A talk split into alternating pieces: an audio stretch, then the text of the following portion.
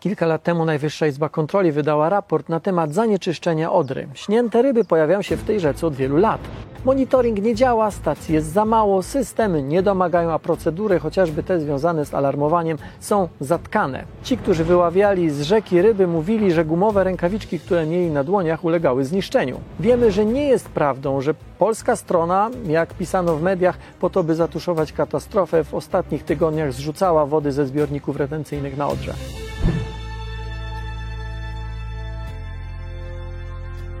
W momencie, gdy nagrywam to wideo, z Odry wyłowiono już ponad 100 ton śniętych ryb.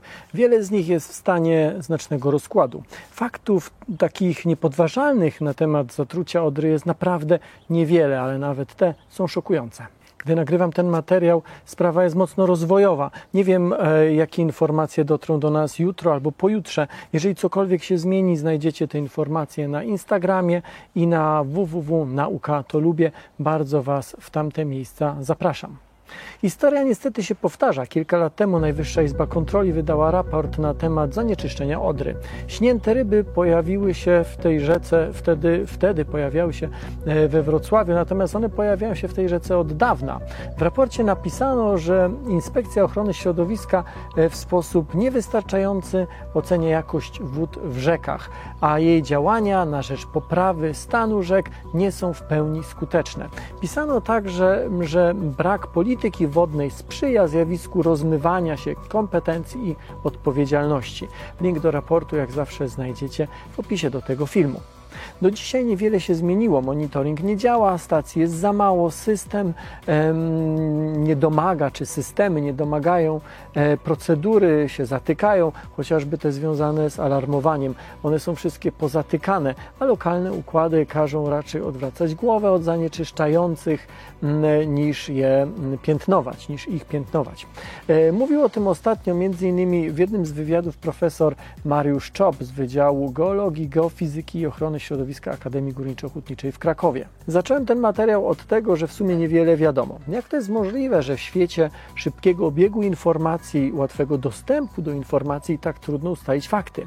Ja bym raczej powiedział, że to właśnie ten szybki obieg informacji powoduje, że trudno ustalić fakty.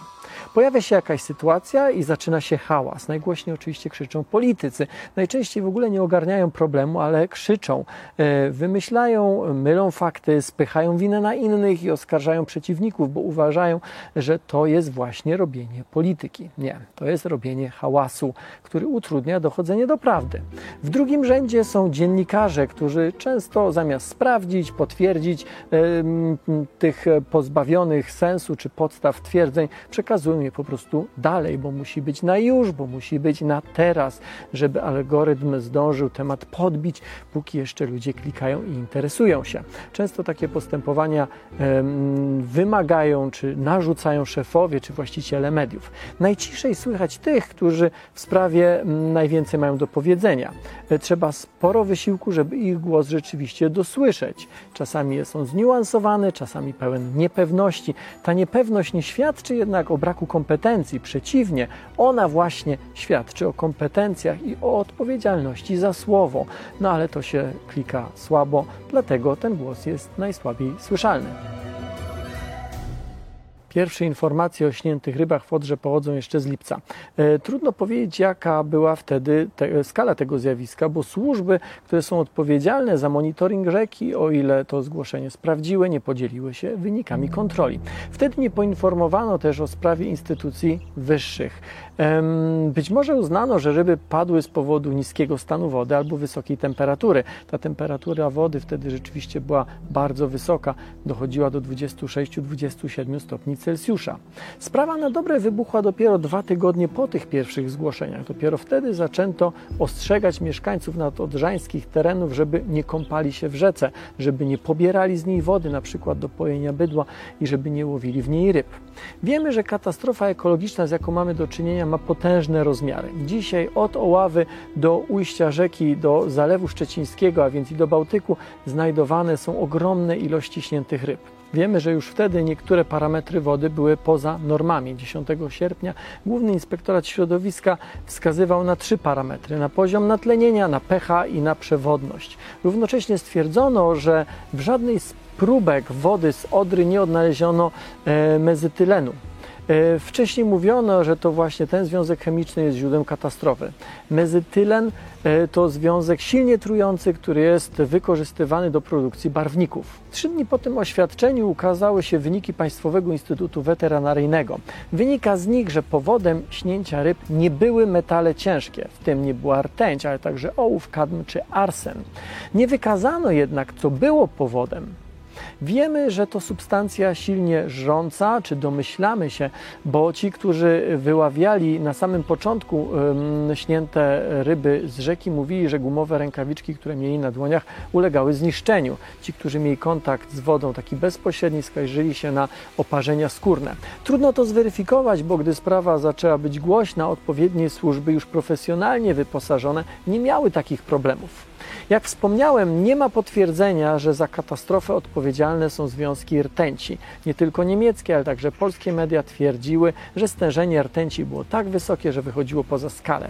Strona polska twierdzi, że niczego takiego w naszych badaniach nie jest w stanie potwierdzić, a minister środowiska landu Brandenburgia zdziwił się, że przypisano mu taką wypowiedź, bo twierdził, że on niczego takiego nie powiedział. Strona niemiecka wskazywała także na bardzo wysokie stężenie soli, ale nie podano o jakie sole chodzi. I tutaj dwa zdania wyjaśnienia. Sól kojarzy się z solą kuchenną, ale w chemii sole to bardzo duża grupa związków chemicznych, które są produktami reakcji kwasu z zasadami. Strona polska także wykryła duże zasolenie, ale nie ma pewności, czy to ono spowodowało katastrofę. A jeżeli tak, to czy było jej jedyną przyczyną.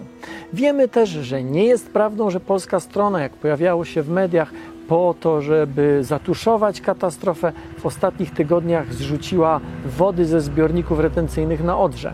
Wiemy też, że woda pitna, ta, która znajduje się w kranach w nadodrzańskich gminach, jest bezpieczna. Tak twierdzą władze tych samorządów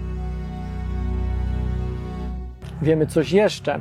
E, nie dzięki dokładnym e, danym strony polskiej, tylko niemieckiej, z danych, do których zresztą każdy ma dostęp, a wy link do nich znajdziecie w opisie do tego filmu, wynika, że gdy skażona woda dotarła do Frankfurtu nad Odrą, czyli w okolicach 7 sierpnia, wykryto drastyczny wzrost poziomu tlenu w wodzie i e, jego duże wahania. Koreluje się to z poziomem chlorofilu. W wodzie znalazło się coś, co nie zabija roślin, bo wtedy ilość chlorofilu nie rosłaby. A tymczasem absorpcja promieni UV na długości charakterystycznej dla chlorofilu jest, jest drastycznie wysoka, bardzo wzrosła. Wzrost, wzrosła też mętność, ale też spadła zawartość azotu. A wracając do e, wykresu ze stężeniem tlenu. Fluktuacje dzień-noc pokazują, że to, co ten tlen produkuje, jest żywe glony. Wciąż żywe ryby, które znajdowano, zdaniem niektórych, zachowywały się jak gdyby były poddane ekspozycji na jakieś neurotoksyny.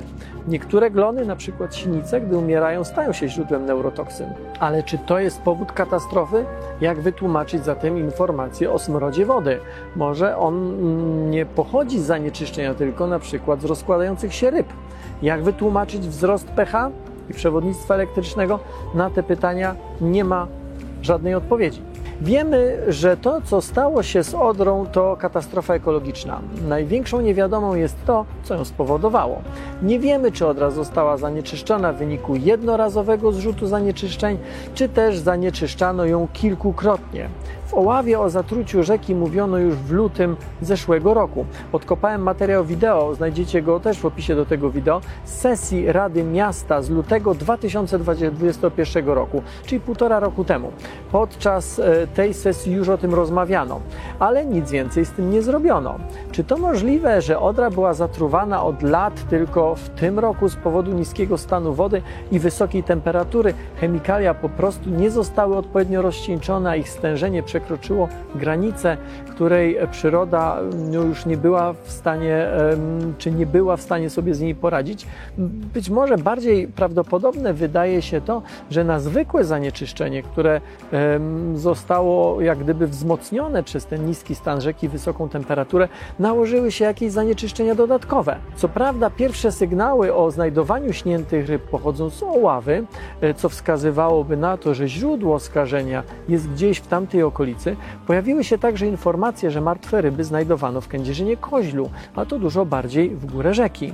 W marcu śnięte ryby znajdowano w kanale gliwickim, sztucznym kanale, który łączy Gliwice z Odrą i kończy się właśnie w Kędzierzynie. Sprawa była głośna już w marcu tego roku. E, Już wtedy woda w kanale gliwickim była nienaturalnie zielona, kwitła. Kilka dni temu e, z kolei poinformowano, że beczki z niezidentyfikowaną substancją wyłowiono z Odry w województwie zachodniopomorskim, czyli kilkaset kilometrów w dół rzeki od Oławy. Ogromną niewiadomą są także środowiskowe konsekwencje tej katastrofy. Śnięte ryby em, są zjadane przez inne zwierzęta, na przykład bociany. Jeżeli zawierają duże ilości toksycznych chemikaliów, e, te chemikalia zabiją także te ptaki i dostaną się do środowiska wiele kilometrów, a może nawet setki kilometrów od źródła zanieczyszczenia, czyli od Odry. Ponadto zanieczyszczona rzeka, em, czy raczej zanieczyszczenia z rzeki przenikają do wód gruntowych, a przez nie przez dziesięciolecia będą do środowiska, do roślin i do zwierząt, które te rośliny będą jadły. Zagrożony jest mm, Park Krajobrazowy Dolnej Odry, czyli system prawie 200-kilometrowy, system kanałów między Odrza. Jeżeli trucizna się tam dostanie, tamtejsza unikalna przyroda zostanie zniszczona. Jak powiedziałem na początku, e, sytuacja jest bardzo dynamiczna. Jeżeli cokolwiek się zmieni, poinformuję o tym i na stronie internetowej naukatolubie.pl, ale też na Instagramie. Zapraszam Was w tamte miejsca.